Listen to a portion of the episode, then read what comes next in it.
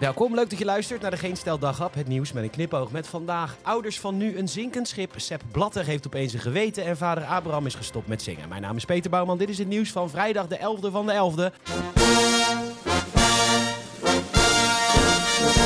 Alaaf.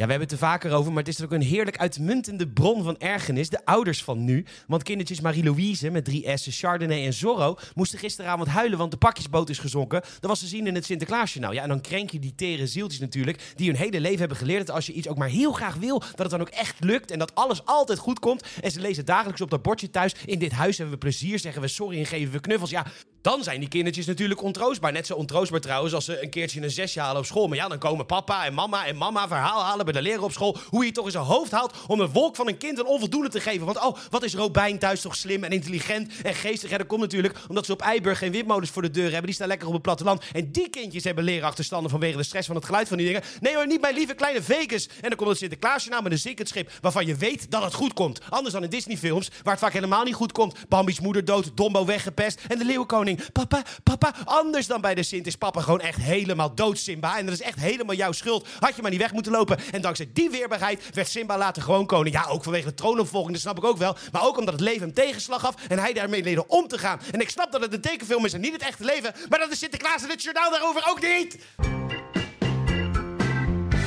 Hernieuwd respect voor de crocodile hunter Steve Irwin. Hij stierf in 2006 toen hij door een pijlstaartrog midden in het hart werd geraakt. En dat is bijzonder, want pijlstaartroggen zijn in principe ongevaarlijk.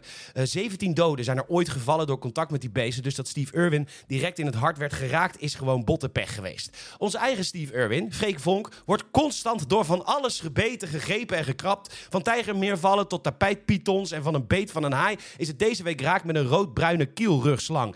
En anders dan het Sinterklaasjournaal is dit dus allemaal echt. Dus als straks Freek Vonk onvermijdelijk sterft omdat hij schorpioenen van die kankervette dieren vindt, leg Vlinder Jezebel dan wel gewoon even uit dat Freek Vonk gestorven is omdat hij levensgevaarlijke dieren oppakte? Of ga je dan omroep Zep opbellen dat ze die verhaallijn niet mogen uitzenden? Rustig nu. Oud FIFA-eindbaas Sepp Blatter heeft opeens een geweten. Hij liet eerder weten dat Qatar als gastland een dom idee was. En nu laat hij bij de Independent weten dat Iran moet worden geweigerd bij het WK. In ander nieuws vindt Glennis Grace dat Little Kleine zijn poten thuis moet laten. En Marco Borsato dat Kevin Spacey van minderjarig af moet blijven. Vader Abraham is gestopt met zingen. De zanger, bekend van het Smurfenlied, Het Kleine Café aan de Haven... en klaarblijkelijk de iets minder grote hit Wat doen al die Arabieren hier... is afgelopen dinsdag gestorven. En mocht u fan zijn en zijn lichaam willen bekijken... als het opgebaard ligt bij NAC Breda... dat kan niet, het lichaam was nog niet koud of hij was begraven. Pierre Kartner is 87 jaar oud gesmurfd.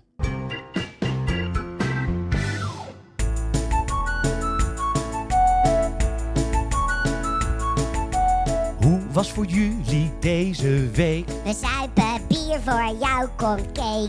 Wat willen jullie dat ik nu zing? Maakt niet uit, het is een besloten kring. Hoe gaat het verder zonder mij? Jij bent dood en wij zijn vrij. Is er nog iets dat je straks erg mist? De moneymaker